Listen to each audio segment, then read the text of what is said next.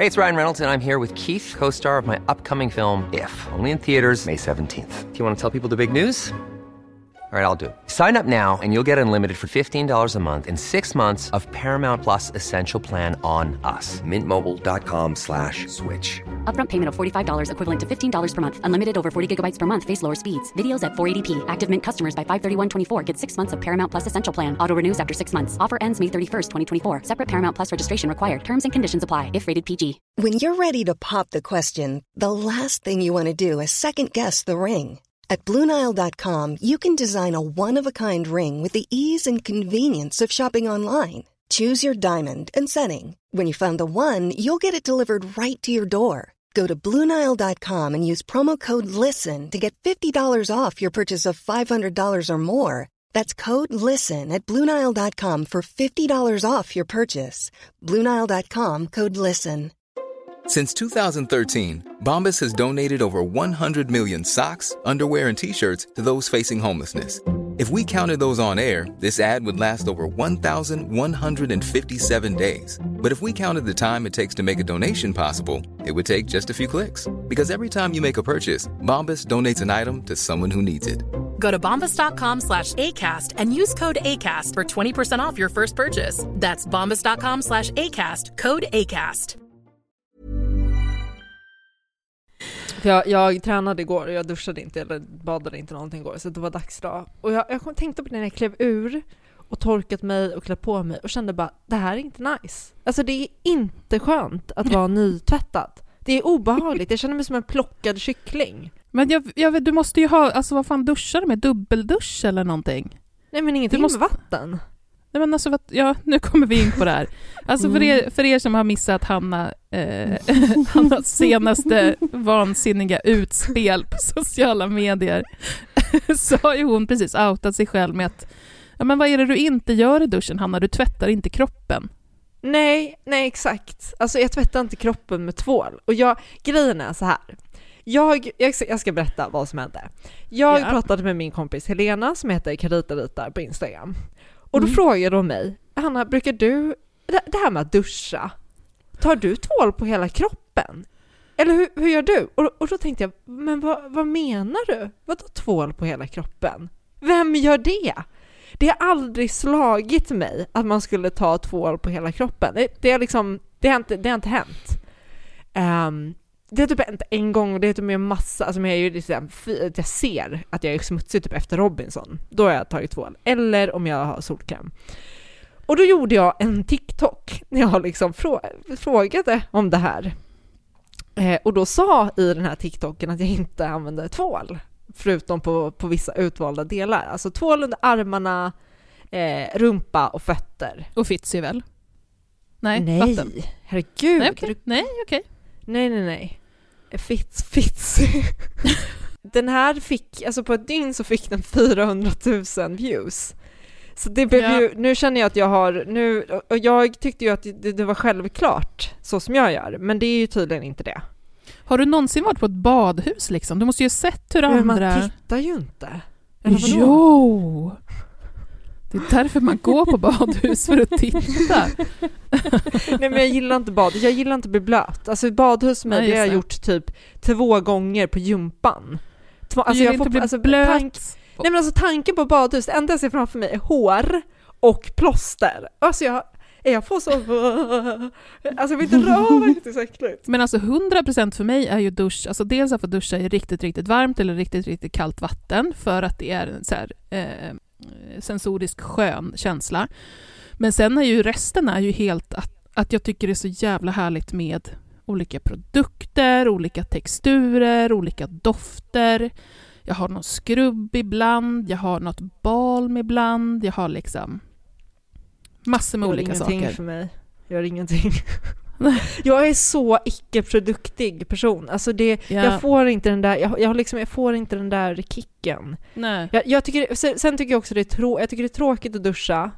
Ehm, ja, nej, det finns liksom inga... Jag, det, återigen, plockad kyckling. Det är så jag känner mig. Jag känner mig utblottad plockad kyckling. Ja. Paula, du ser väldigt ren ut. Jag är ren av mig. Då har vi inspelningen igång. Så ja, åklagaren kan väl börja ställa frågor. Ja, tack. Det här är Nyans, feministisk true crime med Kajan, Hanna och Paula.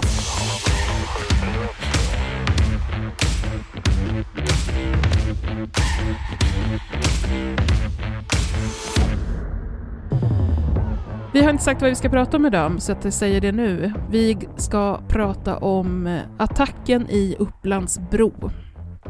Vi har två personer, ett brottsoffer som vi har valt att kalla Simone. Hon heter någonting annat egentligen. Och sen så har vi en gärningsperson som heter Sevall Olsson. Källorna är väl egentligen det vanliga, va? Fuppar och dom och, och eh, allt sånt där. Och så eh, de artiklar och sånt som finns. Så ett händelseförlopp kommer precis efter min lilla rap.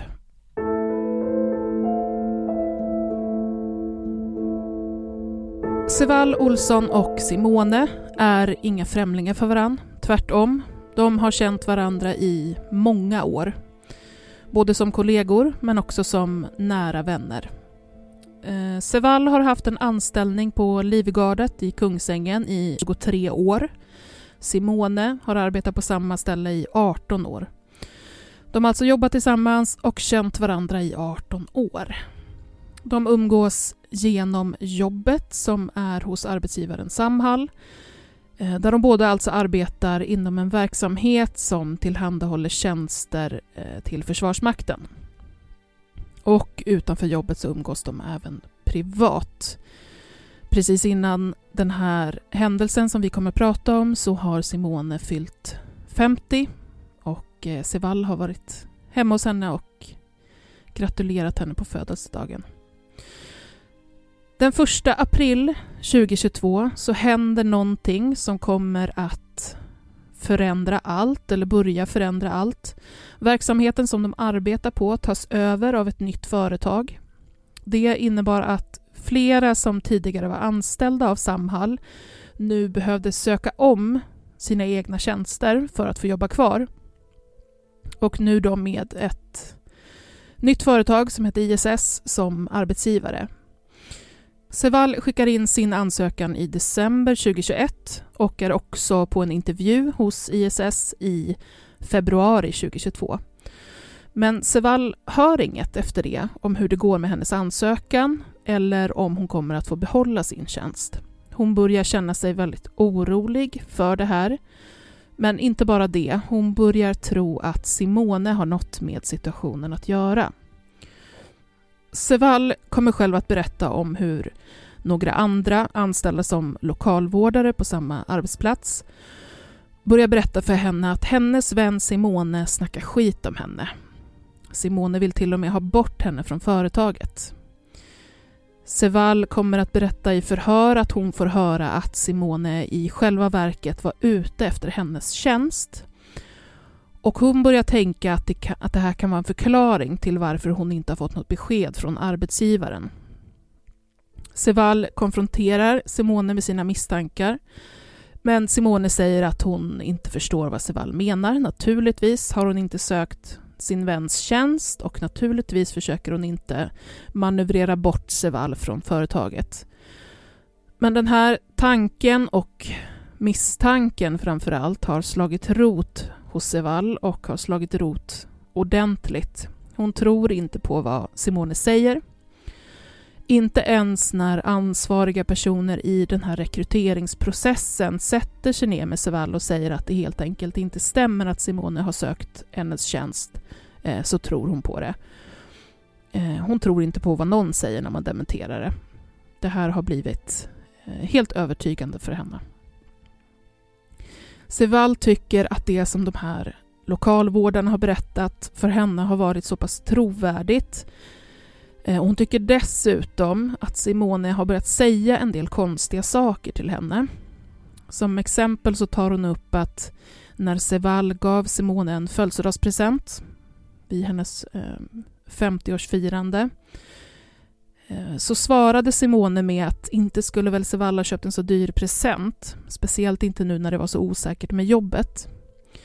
För Sevall så betydde det här, Det hon hörde var att Simone måste ju veta något som hon själv inte vet. Hon kände att det här är en pik om att hon inte ska få behålla sin tjänst och att Simone redan vet om det. Dessutom har Sevall tidigare berättat för Simone om att hon har varit otrogen mot sin man vid ett tillfälle. Och när Sevall upplever att andra arbetskollegor börjar titta konstigt på henne och säger olika saker som Sevall kopplar till ämnet otrohet eller sexualitet eh, så drar hon slutsatsen att Simone måste ha berättat för alla på arbetsplatsen om otroheten. Sevall konfronterar henne även med det här men Simone fortsätter att förneka allt. När det har blivit mars och Seval fortfarande inte har hört något från arbetsgivaren trots att bland annat Simone fått besked om att hon kommer få jobba kvar så inser Seval att hon inte kommer få behålla sin tjänst. Ingen har meddelat henne om det, vilket gör att hon känner sig ännu mer illa behandlad. Hon börjar må sämre och sämre och tycker också att till och med hennes grannar Eh, har nu börjat bete sig konstigt. Och inte bara några grannar, utan ett tiotal av hennes grannar, tycker hon. De har slutat hälsa. Hon tycker att de tittar konstigt på henne. Och det här tänker hon också är någonting som är kopplat till den här ryktesspridningen som hon upplever på jobbet. 25 mars så slutar Sevall på jobbet. Det är någon annan som har fått hennes tjänst. Det är inte Simone, men det påverkar inte Sevalls syn på vem det är som har förstört allt för henne. Sevall bygger upp mer och mer aggression gentemot tidigare kollega och vän. Hon förstår inte varför Simone inte bara kan erkänna att det är hon som har sett till att Sevall inte får jobba kvar. Varje gång hon konfronterar henne så fortsätter Simone bara att förneka. Och det här förnekandet gör Sevall mer och mer arg. Vi är framme vid den 7 april 2022. När Sevall vaknar på morgonen så bestämmer hon sig för att än en gång konfrontera Simone. Hon vet att Simone brukar åka från sitt hem till jobbet vid sjutiden på morgonen och hon bestämmer sig för att åka till Simones hem för att tajma in hennes avfärd. Sevall säger till sin man att hon ska åka på ett vårdbesök i Enköping. Hon vill inte att han ska veta var hon ska och varför. Eh, helt enkelt för att hon är rädd att han ska försöka hindra henne. Förseval vill ha svar. Hon säger senare att hon tänker att hon kanske kommer behöva skrämma Simone för att få de här svaren. Det hon gör hemma är att hon går till köket, öppnar en kökslåda och tar en kökskniv. Eh, hon tar en hammare från en låda i hallen lägger dem på passagerarsätet i bilen och börjar åka mot Simones bostad. Det är en tur på cirka 40 minuter och Sevall stannar ett par gånger för att röka och tänka. Hon funderar om hon verkligen ska åka vidare, om det är en bra idé eller om hon ska vända hem. Men hon fortsätter och hon är framme strax innan sju. Hon ställer bilen bakom ett plank ute på parkeringen så att Simone inte ska se den när hon går till sin egen bil. Sevall väntar i sin bil i ungefär 15 minuter innan hon, mellan de här plankorna på planket, ser Simone gå mot sin bil. Då tar hon hammaren och stoppar den i byxlinningen och hon tar kniven och stoppar den i kappfickan och så kliver hon ur bilen och går mot Simone som ännu inte har sett henne. Simone blir helt förståeligt skrämd när Sevall helt plötsligt kommer fram. Simone frågar vad hon gör där. Sevall säger att hon vill prata och frågar om Simone har några minuter. Men Simone har inte det. Hon säger att hon har bråttom iväg. Seval börjar ändå ställa sina frågor. De frågorna hon har ställt flera gånger tidigare, men känner att hon blir avvisad av Simone som bara ber henne att sluta. Det här gör Seval väldigt arg. Ännu argare än hon var innan. Och när Simone fortsätter att gå till sin bil går Seval efter och när Simone står lätt bortvänd från henne så tar Sevall upp hammaren ur byxlinningen och slår ett slag i Simones bakhuvud. Hon försöker slå en gång till, men missar den här gången. Samtidigt skriker hon till Simone och frågar varför hon inte vill svara på hennes frågor. Simone försöker ta tag i hammaren som ramlar till marken. Det blir lite strid om den. Då tar Sevall fram kniven ur sin kappficka. Simone ser den och skriker eh, att Sevall ska sluta, men Sevall hugger mot en överarm och träffar. Simone står nu lätt framåtböjd och Sevall hugger igen. Hon säger att hon siktar mot nedre magtrakten men kniven kommer att gå in i bröstet på Simone. Kniven ramlar sen till marken och bladet går sönder. Under det här tumultet så eh, är det en man i närheten som, som hör kvinnorna ropa. Han hör att det är bråk och han börjar närma sig. Han ropar och frågar vad det är som händer. Seval ser honom, men hon ser också blodet nu på marken och på bilen bredvid. Och hon börjar springa mot sin egen bil. Och Seval kör ifrån platsen. När hon har kommit en bit så stannar hon vid vägkanten och ringer 112. I larmsamtalet uppger hon vad hon är och hon säger att hon precis har knivhuggit sin vän. SOS 112, vad har inträffat? Hej, jag har knivhuggit min vän. Du har knivhuggit din vän, okej. Okay. vilken kommun är det i? Eh, vilken kommun är du Uppland, Upplandsbro kommun, är jag okay. på väg. Ja, men är, är, är personen vaken? Jag knivhögg henne på och slog henne med en hammare på parkeringen på Fjärilstigen. Fjärilstigen? Uh, är du kvar där eller? Nej, jag sitter i bilen, men... Okej. Okay. Ja, ska vi se där. Uh, ska vi se där. Uh,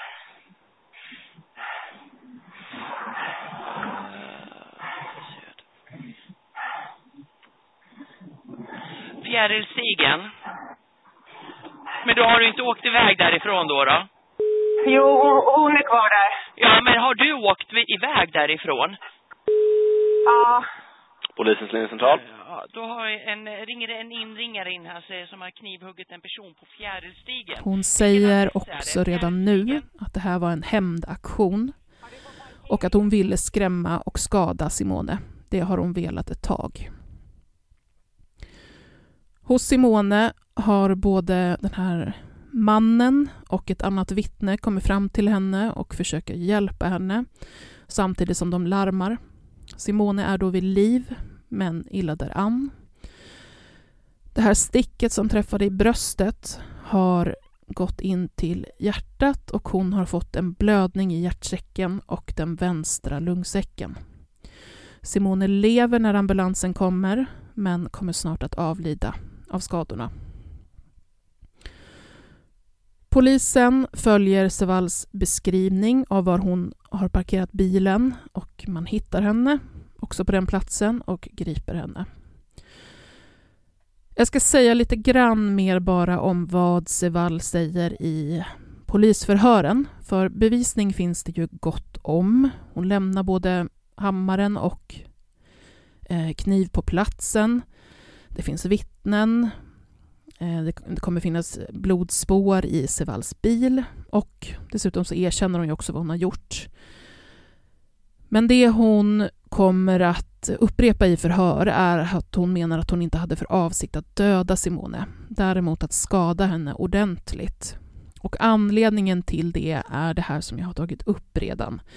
Att Sevall tycker sig ha ordentlig grund för att Simone har spridit rykten om henne på arbetsplatsen. Och då med syfte att baktala henne och att se till att Sevall inte får jobba kvar.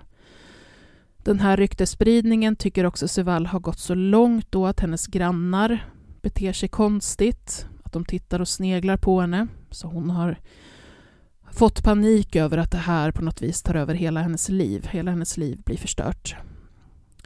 Dessutom så får Sevals man reda på att hon har varit otrogen mot honom. Eh, och det här menar Seval måste bero på att Simone har sagt det till honom. Både Simone och Sevals make nekar till att det är Simone som har sagt någonting. Men trots det så tror inte Seval på dem. Och eh, hon, hon, säger liksom till och med i polisförhör att jag menar ju att det måste vara Simone, eller att det är Simone som har gjort det här. Seval säger till exempel så här. Jag kände att om... Men hon har utsatt mig för så himla mycket, så jag kände att jag ville... Ja, att jag ville skada henne. Och det som hon hela tiden hänvisar till är då vad ett par av hennes kollegor har sagt. Eh, hon hänvisar också till vad ett syskon till Simone ska ha sagt till henne för nästan ett år sedan. Då ska syskonet och Simone ha varit osams. Eh, Seval menar att syskonet har berättat för henne att, att Simone i själva verket hatar Seval och vill få bort henne från arbetsplatsen. Eh, och eh, Seval menar också att det här har liksom legat kvar i hennes bakhuvud på något vis. Och sen när eh, Simone har börjat komma med de här konstiga pikarna om att köpa dyra presenter när det inte är säkert med jobbet och sådär, så tycker hon att det har gått ihop. Jag ska säga också att det här syskonet har dementerat eh, i rätten att hen ska ha sagt någonting sånt, men det är vad Seval menar och eh, verkligen tror har hänt. Vi kan ta lite mer sen i diskussionsdelen, så Hanna, du kan take it from here. Nyans, feministisk true crime med Kajan, Hanna och Paula. Våra delar överlappar ganska mycket i det här fallet, eh, för att det är, det är ganska straightforward vad som har hänt. Och Seval blir såklart åtalad för det här och hon är åtalad för mord. Men Seval menar att hon inte har eh, gjort det här, eller hon menar så här att hon inte har haft uppsåt till att mörda henne och att hon därför inte eh, borde dömas för mord. Men hon erkänner att hon har attackerat Simone, eh, men inte det här hugget i bröstet som, som är den skadan som eh, Simone avled från. Eh, men hon går med på att dömas för grov misshandel, men då inte för mord. Så det är Sevals inställning till, till det här. Och precis som Kajan har varit inne på så säger Sival att avsikten var i första hand att konfrontera Simone, i andra hand att skrämma henne och i tredje hand att skada henne så pass allvarligt att hon skulle hamna på sjukhus. Det här säger alltså Seval i tingsrätten. Tingsrätten konstaterar och skriver så här att Seval erkänner att det var hon som slog Simone i huvudet med en hammare samt högg henne med kniv stöds av övrig utredning i målet. En jättedålig mening. Men det tingsrätten menar att det, även fast hon inte erkänner hugget i bröstet så finns det så pass mycket utredning i målet som visar att det är hon som har gjort det. Blod från Simone finns eh, på marken mellan bilarna på parkeringsplatsen. En hammare och två knivdelar påträffas vid brottsplatsen. På skaftet på hammaren har det säkrats blod från Sevals DNA och spår av Simones blod. Eh, och ja, det här visar ju på att det finns, det finns ju väldigt mycket bevisning i det här målet. Sen som Kajan också var inne på så finns det också två vittnen som såg delar av, av händelseförloppet. Så vi har egentligen hur mycket som helst. Det är ingen tvekan om att det var Svall som högg henne i bröstet. Får jag bara fråga Hanna? Eh, det var väl inte så, alltså hon säger väl inte att så här, det var inte jag som högg henne i bröstet, det måste varit någon annan, utan hon säger väl att eh, jag högg och trodde att jag siktade på magen och trodde att det var i magen. Ja, alltså det som hon säger, nej men precis, hon säger inte att, hon påstår inte tingsrätten att det var någon annan, men hon påstår inte att hon är ansvarig för att ha huggit henne i bröstet. Jag kan, kan säga exakt vad hon säger. Mm. Uh, en sekund.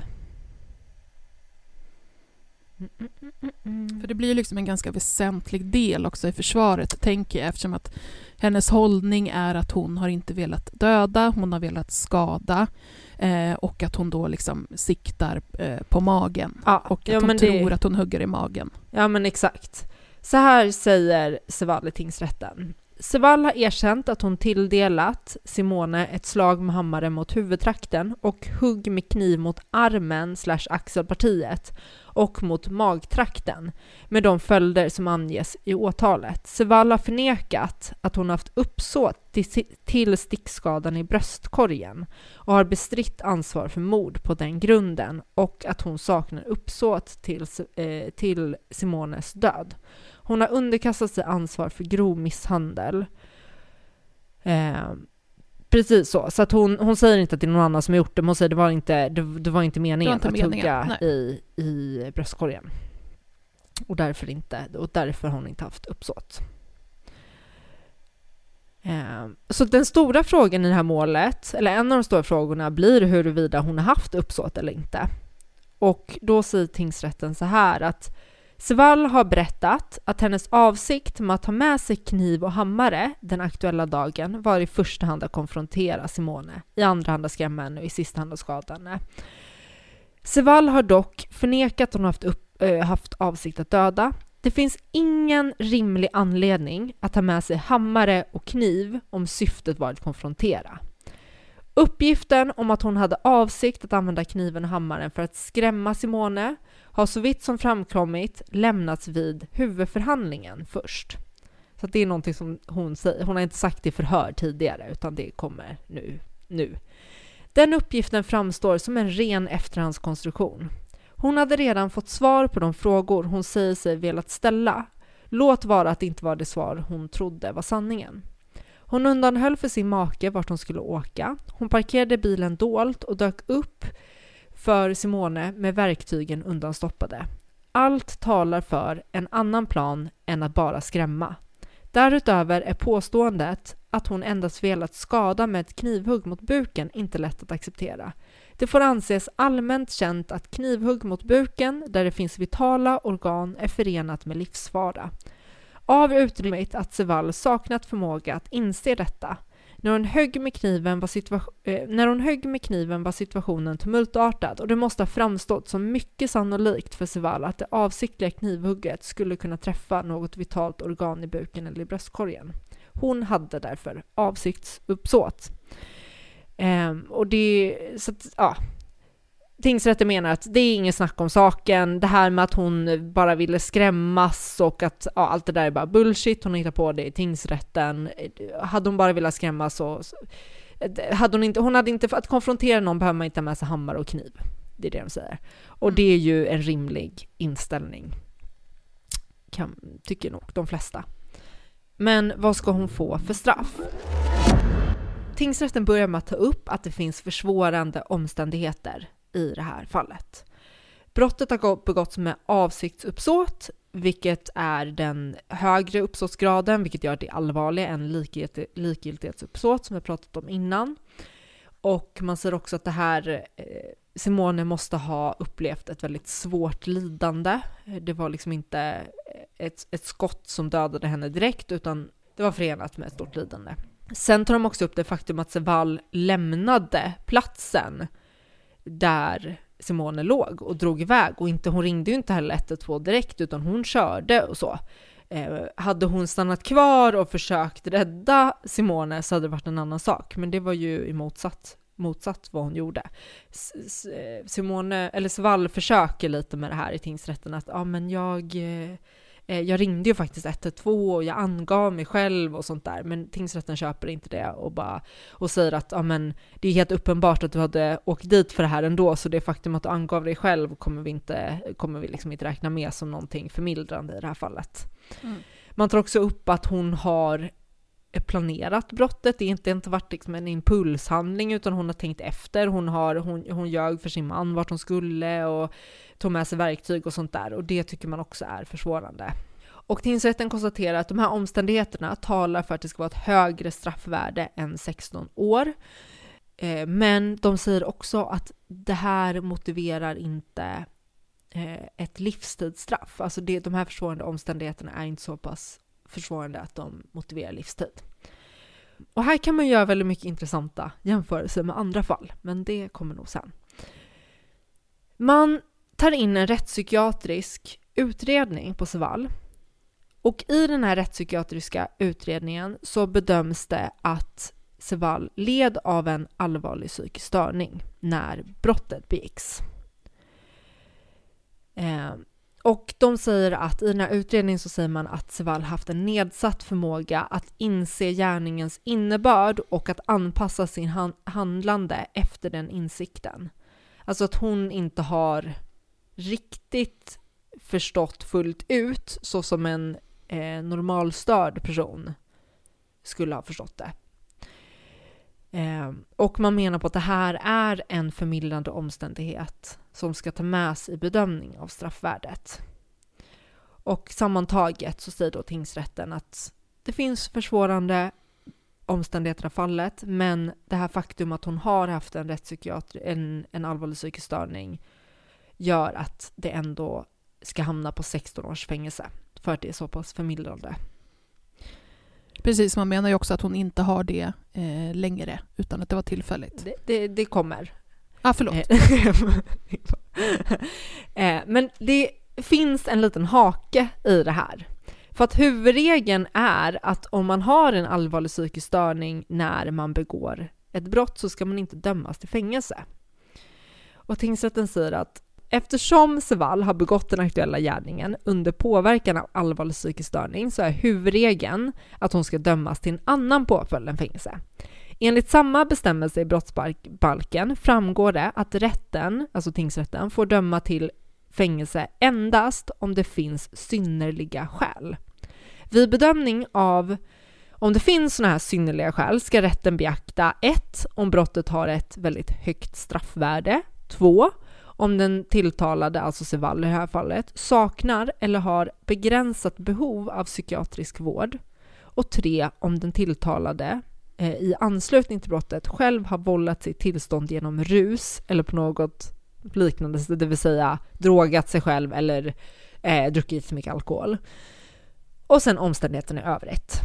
Det som är med det här är ju att man, man kan ju inte döma folk till rättspsykiatrisk vård om de inte längre har en, rättspsykiat, eh, en allvarlig psykisk störning. Så som Sevall, Sevall har ju inte det nu längre, nu när hon ska dömas. Så det blir lite så här konstig situation för, för rätten att hantera.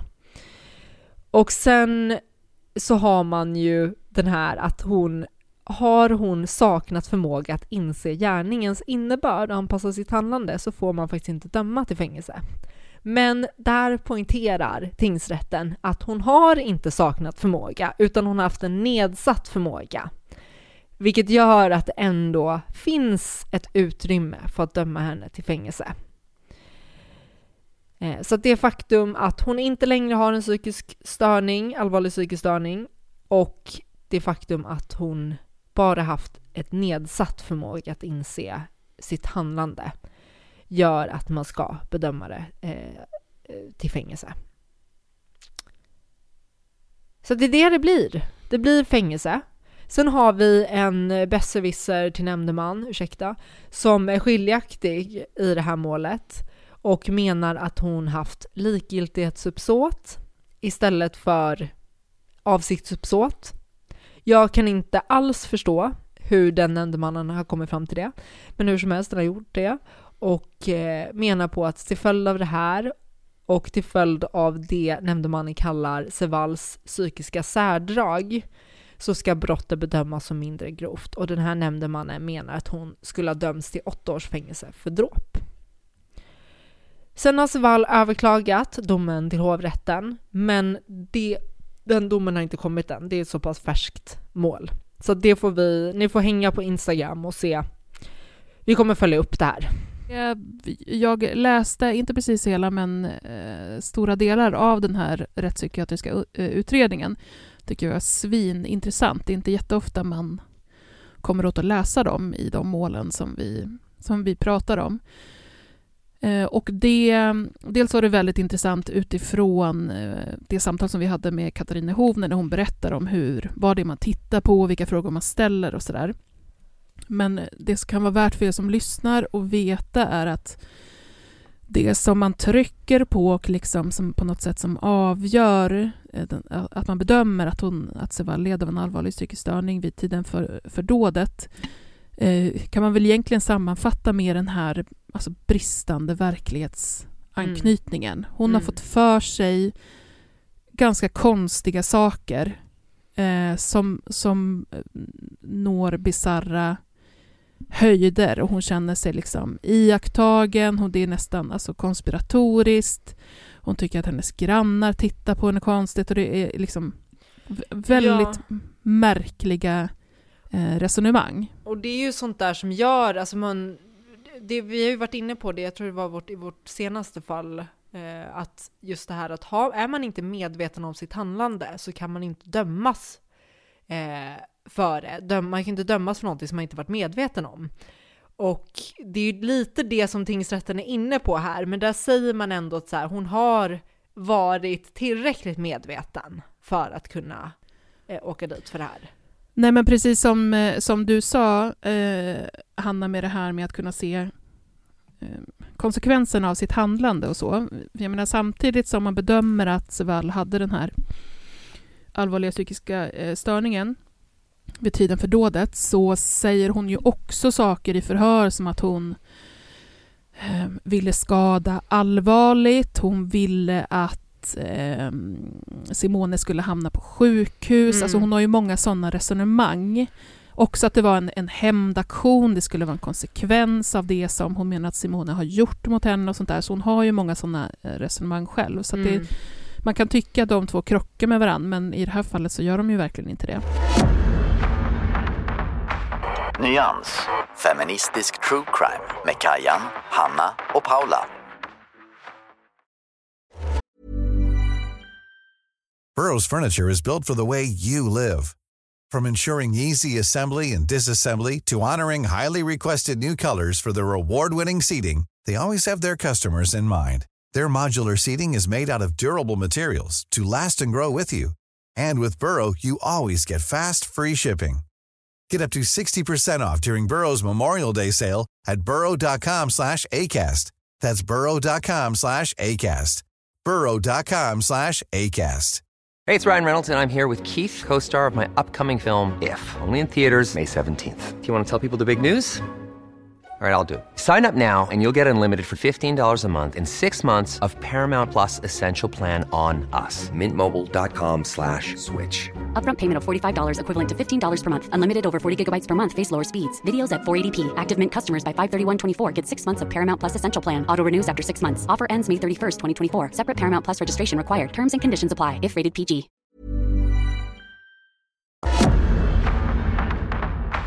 Nyans. Feministisk true crime med Kajan, Hanna och Paula.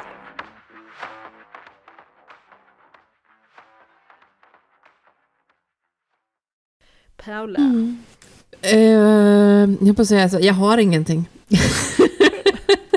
Pass. Ja, okej. Pass. Nej men eh, som jag precis sa, det här var ju ett ganska rätt framfall. Ja. Och alltså det har ju inte fått sådär supermycket uppmärksamhet Nej. i sociala medier och sånt där heller. Nej, inte alls tycker jag. Det har Det- inte varit, nå- jag, har inte varit någonting nästan. Nej. Så eh, det jag kunde hitta lite grann så, ja men det var eh, någon premiumartikel där Leif GW Persson var- satt och pratade om att det här är ju väldigt ovanligt. För att Ja. i de flesta fall så, så handlar det ju om någon närstående.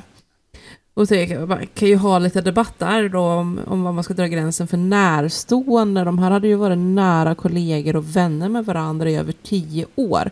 Så det är ju inte så att de inte hade någon form av närmare relation. Ehm, utan det, den fanns ju faktiskt där. Sen var de ju inte ett par eller liknande, men det fanns ju en, liksom en ordentlig relation mellan dem. Så det var inte att, att hon blev liksom på, påhoppad och brutalt mördad av en främling. Så att säga. Så att, Nej, och det, nu när du säger det, det fanns ju... Jag menar, de har känt varandra i 18 år, eh, har relation både på jobbet och privat. Det fanns de här svartsjuke, eller i alla fall avundsjuke inslagen. Mm. Det fanns de här inslagen av svek eh, och baktal. Så att alltså, egentligen är det ju ganska eh, regelrätt en, en sån nära relation Mm. vansinnesdåd som vi brukar prata om. mm. Ja, men jag tyckte det också. Så jag kände liksom att det var en lite så skum invändning. För jag antar att det, det han ville egentligen kanske då få fram var väl kanske mer då att det ju inte var en man som begick mordet. Det var inte en närstående man den här Mm. gången, utan det var en kvinna.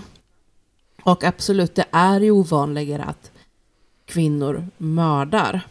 Eh, men, men jag skulle ju inte säga att det är så pass ovanligt att man behöver få det att låta som att det här var typ mer eller mindre unheard of. För det är det ju inte heller. Nej. Vi har ju redan hunnit avhandlat ett gäng. Han behövde ha något att säga. Ja, det kändes lite så. Men annars så ska jag säga att det, det jag märker av, eller som, som jag tycker var tydligast i, i det här och i rapporteringen och sådär. Det är ju alltså hur tydligt könsnormerna blir. Alltså dels det hela det här att man inte föreställer sig att en kvinna kan vara brutalt våldsam trots att hon kan det. Absolut, som sagt, det är ovanligare än att män är det. Men det händer ju ändå ett eh, antal gånger per år att kvinnor är väldigt våldsamma på ett eller annat sätt. Men, men framför allt en viss förvåning någonstans att en kvinna skulle kunna känna så mycket konkurrens kring en annan kvinna att hon tar till våld. Att det är som att folk blir helt chockade över det för att de som man liksom Alltså bilden annars av någon som skulle kunna gå över lik för konkurrens, det är ju igen en man. Så man tänker sig verkligen satsar allt för att få som de vill. Ehm, och jag vet i alla fall att jag har haft ganska många diskussioner med folk om just de här grejerna som säger liksom att men män är mycket mer ambitiösa och män är mycket mer ute efter status och sådana här grejer. Att jag vill hävda att det inte alls stämmer. Däremot så läser vi in olika grejer som status beroende på köns. Alltså könsrollerna ger ju liksom att det är status för en man med mycket pengar, ett välbetalt arbete, kanske en tuff bil och sådana saker. Medan man ger hög status för helt andra saker för kvinnor, men kvinnor också jagar status och makt. Ja, alltså jag håller med, men jag tänker samtidigt att det, i det här fallet så... Det som jag uppfattar mest driver Sevall är liksom inte bara att hon inte får behålla den här tjänsten utan just den här svek, svekbiten. Att hon, för hon, hon återkommer i förhör mycket till det att Ehm, när, när hon rabblar om vad, vad Simone ska ha sagt, vilket i mina öron är totalt harmlösa saker. Alltså så här, Sevall kommer ut från ett möte med den eh, nya arbetsgivaren. Simone frågar hur det gick på mötet. Eh, Sevall säger det gick bra och Simone säger men gick det bra? Och eh, Sevall läser det här som att Simone liksom är förvånad och besviken över, alltså hon Mm. läser ju in så otroligt mycket saker, men just, och hon återkommer då till det att så där ska inte en nära vän göra, och hon ska ju vara peppande, och hon ska ju vara träffat, stöttande. alltså jag har träffat så många människor som är på det här sättet som Sevall. Jo men visst, och, och där man sitter i en diskussion och som, eh, som ju var den som Sevall och Simone återkom till hela tiden, att Se- Sevall har då hört en sak som Simone har sagt, eh, och det hon har hört behöver ju inte ha varit det som Simone sa, utan det Mm. var det hon hörde, det var det hon kände och det var det hon tänkte att Simone nog menade. Och då när Sevall sen går till Simone och säger du sa det här och det här, och så säger hon det som hon kände att Simone sa, så kommer ju Simone säga det har jag ju absolut inte sagt. Mm. Och, och Sevall tycker då att hon ljuger. Och så blir det någon sån här slags skyttegravskrig krig kring, kring vem som talar sanning Mm. och inte. Nej, men det, det, det känner man ju absolut igen. Absolut. Mm. Men det är det jag kan tycka nästan är läskigast med det här fallet. Hur, hur hon verkligen lyckas intala sig själv så hårt. Att hennes upplevelse och hur hon har tolkat varje litet tonläge och varje litet höjt ögonbryn eller eh, leende på fel sätt eller liknande. Eh, verkligen har, har alltså, låst henne totalt vid att det är så här det är. Ja. Att det verkligen är först när hon sitter i förhören och konfronteras med en massa hård fakta, eller vad man ska säga. Ja, alltså hon säger ju Som till och med i rätten så säger hon att det är egentligen inte förrän jag läste förundersökningen nu som jag kan känna att jag har varit lite fel ute. Hon säger fortfarande inte att hon är helt fel. Mm. Hon, hon, hon tycker fortfarande, även när hon sitter i rätten, så tycker hon att Simone har gjort en del av de här Mm. sakerna. Men jag, jag kan tänka mig att till exempel, som hon då kan se i förundersökningen, att, att det sitter eh, chefer och arbetsgivare och sånt och säger att nej, nej, nej, Simone har absolut inte, när de sitter och säger det till polis, Mm. Simone har absolut inte sagt något negativt om Sevall eller Mm. varit ute efter hennes tjänst eller någonting. Så det, det kan hon säkert ha varit så här, nej men okej. Men, Mm. men hon Jo, men jag tror släpper med inte fullständigt. Nej, hon släpper inte helt. Men, men jag tror till och med att det stod i, för, i, i något förhör i fuppen liksom, att hon, hon ju faktiskt backar på just den grejen då. Att, att det skulle ha varit Simones fel att hon inte fick jobbet.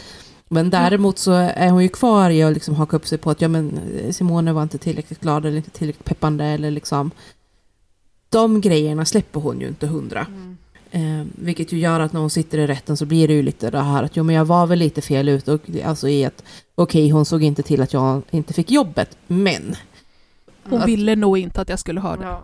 ungefär så att hon, hon Mm. hade nog ingenting emot att jag inte fick det eller liknande då. Nej. Så det här är ju också någonting vi har pratat om tidigare eh, Eh, med många mördare, det här att de försöker rättfärdiga, alltså hitta de här grejerna med någon som har ljugit eller varit otrogen eller käftat emot om någonting eller vad det nu kan vara då liksom.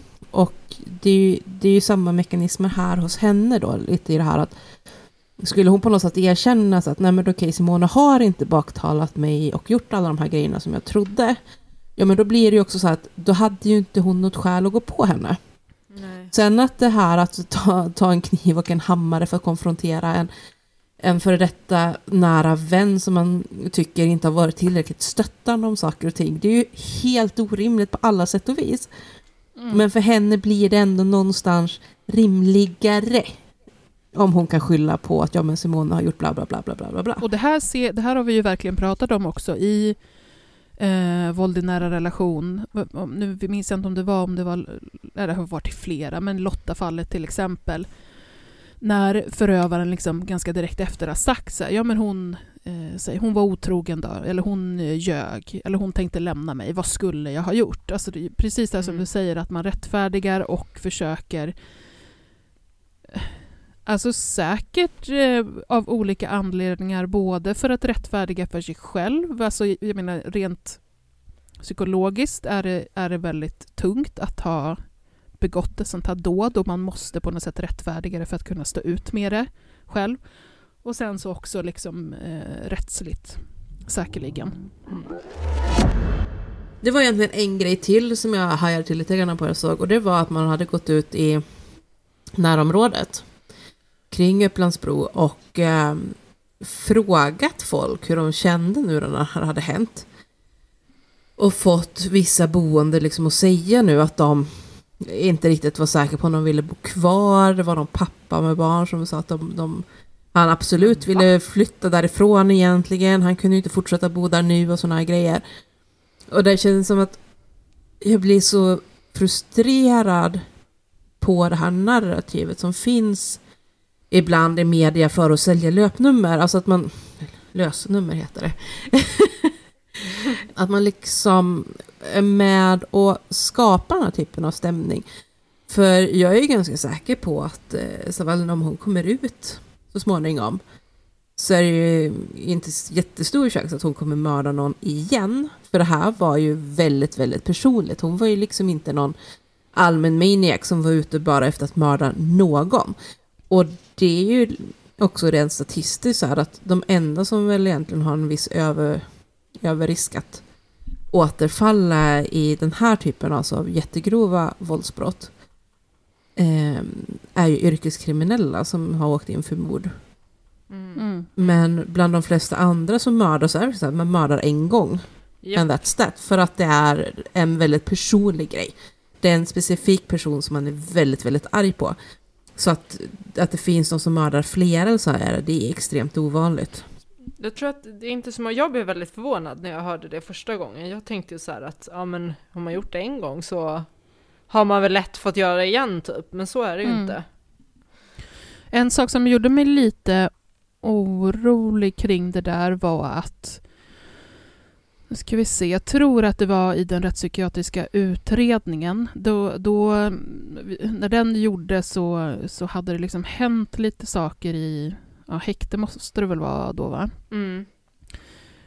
ehm, där Seval liksom hade varit inblandad i lite olika saker. Eh, bland annat eh, olika eh, konflikter med andra intagna där man liksom fick lov att, att splitta på dem. Eh, sen, sen kan ju, det behöver inte ha någonting med hennes agerande att göra, men det var eh, lite frågetecken kring det. Också eh, saker kring, alltså just det här hon hade känt sig utfryst, alltså lite de... Tendenserna låter I- som att de är Ja, kvar. lite grann så och också att hon skulle ha, mm, eh, det här var det som stod med då, alltså att hon skulle ha, och jag gissar att det är kriminalvårdens personal som har rapporterat in det, att hon skulle ha eh, på något sätt alltså rallied, Uh, viglat. viglat, ja, och, eh, och pratat med andra intagna om att liksom tillverka vapen eller sådär. Mm. Eh, li, lite sådana tendenser som gjorde att det kändes lite eh, oroligare. Nyans. Feministisk true crime med Kajan, Hanna och Paula. Jo, jag tänkte vi ska prata om, eh, ja nu kommer jag säkert uttala det här fel, men eh, Wally, eller Wally Vadå? eller någonting liknande. W-A-L-I stavas det. Wally. Det har varit en grej som det har varit mycket skriverier om. Eh, och det är en muslimsk tradition, vilket väl är varför det har varit så mycket skriverier om det. Och jag tänkte vi ska prata om det och lite utifrån kanske då temat vit feminism. Och vit feminist är inte samma sak som vita feminister, utan vit feminism är vita feminister som har väldigt svårt för den antirasistiska delen av feminism. Så kan vi väl säga. Så att det går att vara en vit feminist och inte syssla med vit feminism. Det som hände är alltså att eh, en av våra stora nyhetstidningar gjorde en granskning där de eh, undersökte på flera olika moskéer hur det såg ut när muslimska par skulle gifta sig. Om man hade med en wali eller en inte vid vigselceremonin. Och eh, konstaterade då att det varierade. Eh, vissa imamer hade väldigt gärna med wali, vissa hade det som ett krav. Och andra sa att det var väl upp till paren själva hur man ville göra med den grejen. Det brydde de sig inte om. Och en Wally är en, en manlig släkting eller nära familjemedlem som är med på bröllopet och i princip då ger välsignelsen för bröllopsceremonin. Och han är alltid med på, för brudens skull. Så att eh, brudgummen eller liksom mannen har aldrig någon Wally. Utan är det, ja, när det sker att någon har det så är det alltid bruden som har med sig en wali.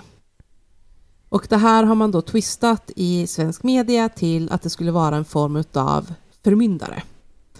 För att wally är ett sånt här ord som kan översättas på många olika sätt.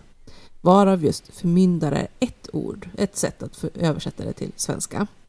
Men det kan också översättas till ord som beskyddare, eh, hjälpare, stöttepelare, visman, Kompanjon. broder. Alltså det finns massa olika sätt man kan översätta det här ordet på. Så att det är ju väldigt mycket hur man vill se det. Och eh, enligt då muslimsk tradition och i de regler som finns eh, utifrån man nu använder sig av någon form av då muslimska lagar så ska då en wali bevaka kvinnans intressen. Han ska följa med på den här ceremonin för att säkerställa att hon inte blir tvingad att gifta sig med någon hon inte vill gifta sig med. Eh, de ska övervaka så att kvinnan får det hon har rätt till. Man kan se honom som en form av fadder som, som håller koll liksom att hennes rättigheter efterlevs. Eh, och framförallt så använder man det då till någon som inte har varit gift innan.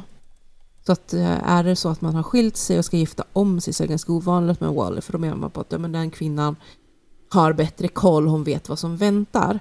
Medan en ung kvinna som ska gifta sig för första gången kanske inte har koll på alla sina rättigheter eller vet allting som händer.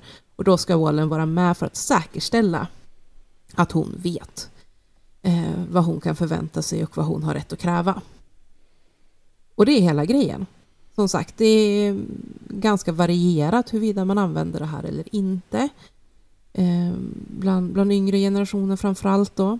Och som sagt, det var också väldigt varierat bland de imamer de hade pratat med i den här granskningen, huruvida man tyckte att det här var någonting som skulle vara med eller inte.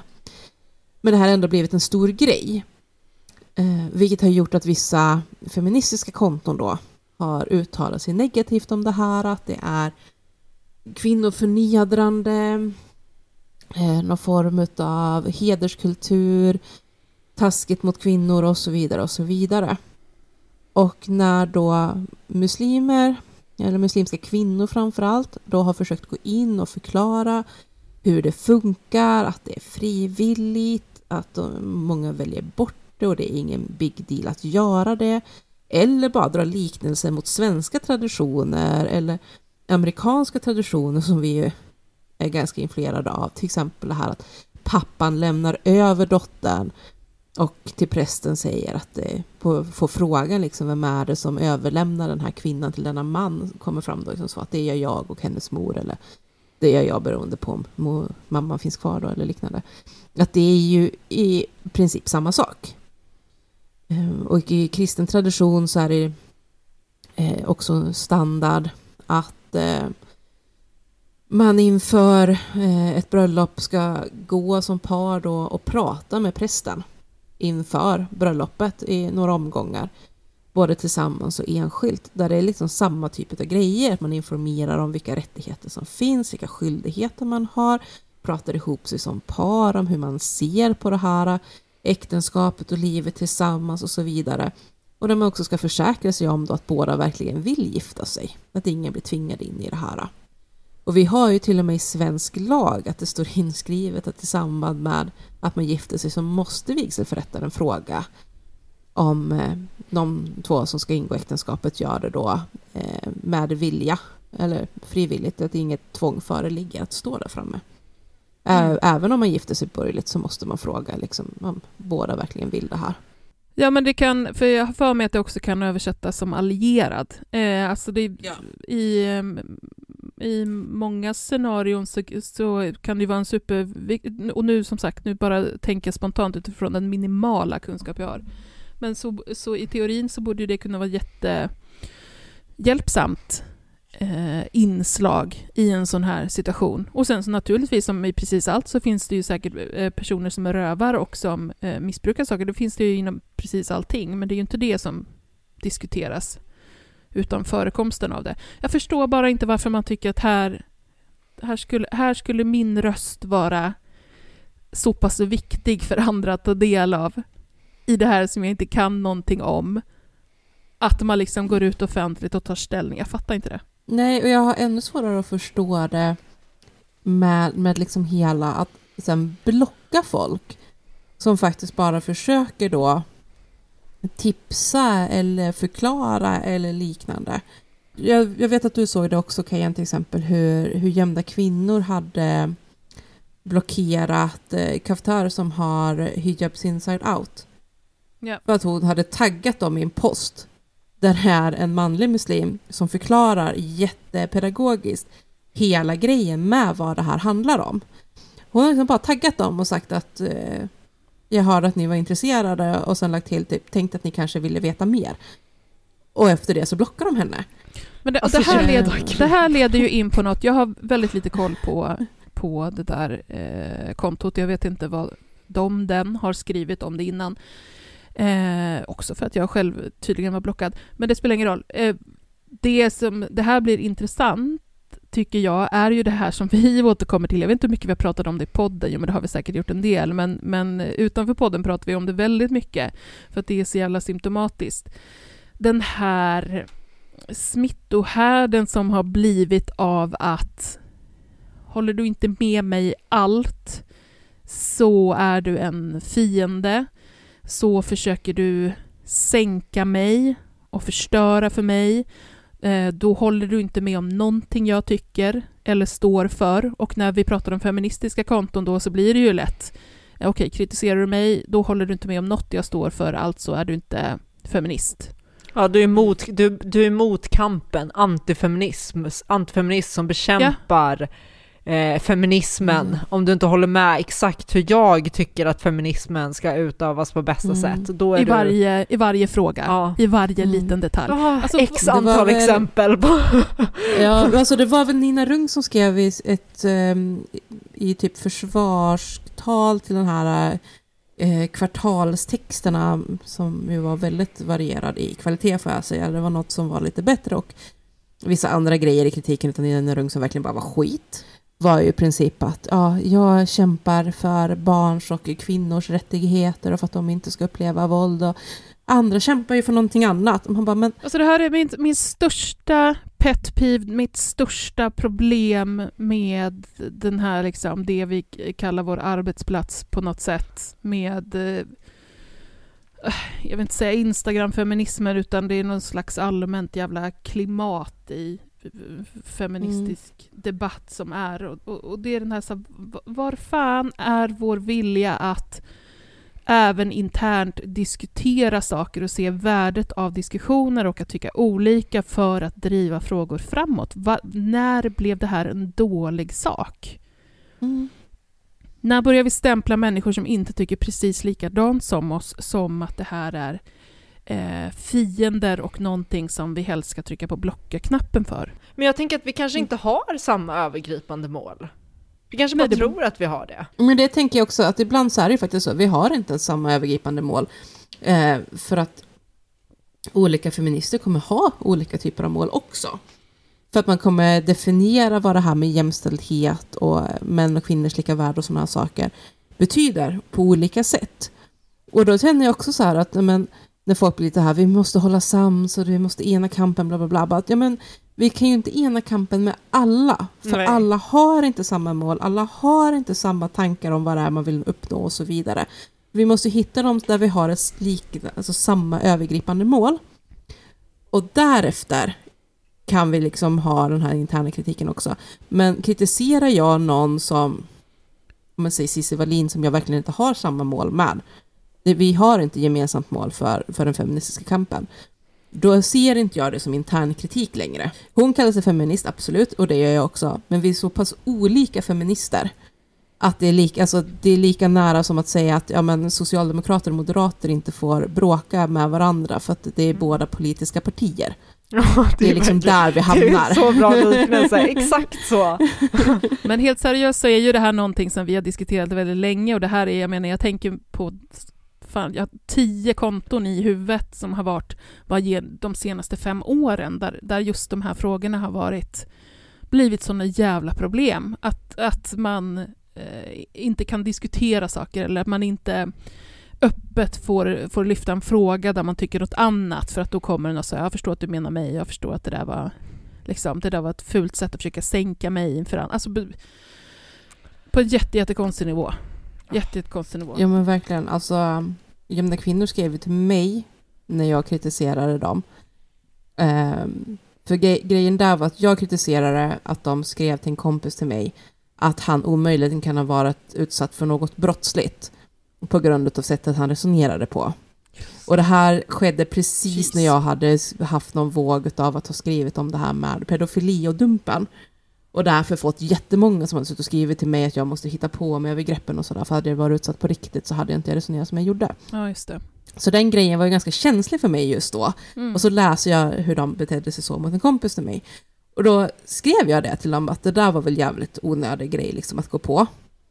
Ehm, bara de kontaktade mig i DM och om att de var så himla besviken för att jag hade gått på dem men inte gick på min kompis som de tyckte betedde sig minst lika otrevligt. Eh, och jag förklarade ju varför. Och sen urartade det där i jätte, jättemärklig diskussion. Eh, men, men så slutade det liksom med att de började skriva så gång på gång att ja, men ska du hänga ut oss nu? Tänker du försöka riva ner vårt konto? Ja, men lycka till då. Och så vidare. Och då hade jag ändå liksom flera gånger också skrivit det på att jag tycker ju det ni gör är bra i grunden. Det är därför jag har delat ert konto och försökt sprida det till fler. Eh, men nu blir det här jättekonstigt liksom. Men, men det verkligen kom så här på en gång bara att ah, men du försöker förstöra oss och du ska försöka stänga ner vårt konto nu eller förstöra för vårt konto och sådär. Du kommer säkert posta allt vi har skrivit om nu och försöka få folk att hata oss och sådär, vilket är bidragande till att jag inte har pratat om det här öppet överhuvudtaget sedan det hände. Men jag tycker att det är jävligt obehagliga tendenser. Att Mm. direkt liksom gå på på det sättet, bara att nu tyckte inte du om någonting vi gjorde, så det betyder att du verkligen är ute efter oss och vi ska börja varna andra för dig, att du bara försöker förstöra för folk och så här. Det blir som bara, men vem försöker förstöra nu? Alltså vi, vi måste kunna inom rimliga gränser ändå tillåta varandra att tycka olika eller faktiskt reagera och kunna säga ifrån att det här du gjorde nu tycker inte jag var okej. Och sen får man väl i så fall försvara sig. Alltså jag har ju folk många gånger som har skrivit till mig att nu tyckte jag att du var för hård mot den här personen eller det här tyckte inte jag att du skulle ha skrivit så eller så till den personen. Och ibland kan jag svara att nej okej, fine, det, det vart lite för hårt eller jag ber om ursäkt. Eller så har jag bara sagt att ja, men jag tycker jag tycker inte det. Jag står för att jag skrev så här nu. Och tycker du att det var för hårt så okej, fine, då tycker du det. Men jag Mm. står för det jag skrev. Alltså det är det är bara att välja bana liksom. Mm. Men det måste ju gå att ta liksom att folk kommer att tycka olika saker. Och speciellt när det är i skrift för det är svårt att tolka. Herregud, vi tre tycker olika om saker och har liksom helt fantastiska diskussioner Dusch. om det. Dusch framförallt. Dusch till exempel. Hur äcklig är, det tycker vi väldigt mycket om. Pepsi Max och Cola Zero. Svamp. Semlor. Viktiga Chips din frågor. jäkel. Ja. Vi, att, att vi ens kan vara i samma rum, höll jag på att säga, det är vi ju inte. Det finns en anledning till att vi spelar in digitalt, kan jag Ja. inte känna min lukt. Exakt. Jag vill gärna slippa det. Jag sitter här och äter min svamp i fred. Ja, Ulla har fått nog. Ja, det var Ullas cue att det är dags att runda av här nu. Så um, vi tackar för att ni har lyssnat den här veckan.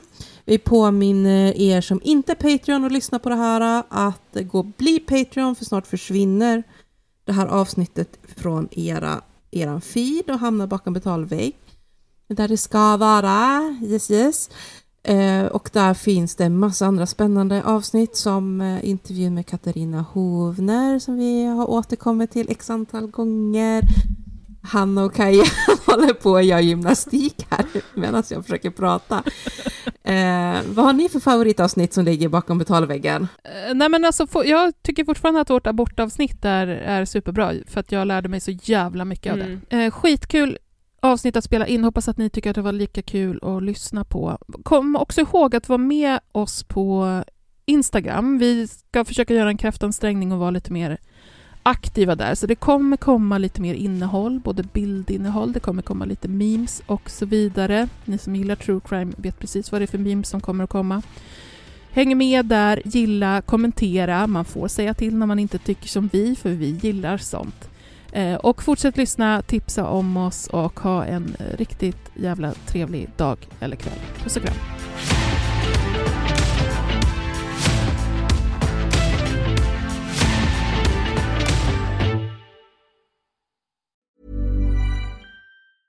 Hey, it's Danny Pellegrino from Everything Iconic. Ready to upgrade your style game without blowing your budget? Check out Quince. They've got all the good stuff shirts and polos, activewear, and fine leather goods, all at 50 to 80% less than other high end brands. And the best part? They're all about safe, ethical, and responsible manufacturing. Get that luxury vibe without the luxury price tag. Hit up quince.com slash upgrade for free shipping and 365 day returns on your next order. That's quince.com slash upgrade. Hi, I'm Daniel, founder of Pretty Litter. Did you know cats tend to hide symptoms of sickness and pain? I learned this the hard way after losing my cat, Gingy. So I created Pretty Litter, a health monitoring litter that helps detect early signs of illness by changing colors, saving you money and potentially your cat's life. Pretty Litter is veterinarian developed, and it's the easiest way to keep tabs on your fur baby's health right at home. Go to prettylitter.com and use code ACAST for 20% off your first order and a free cat toy. Terms and conditions apply. See site for details.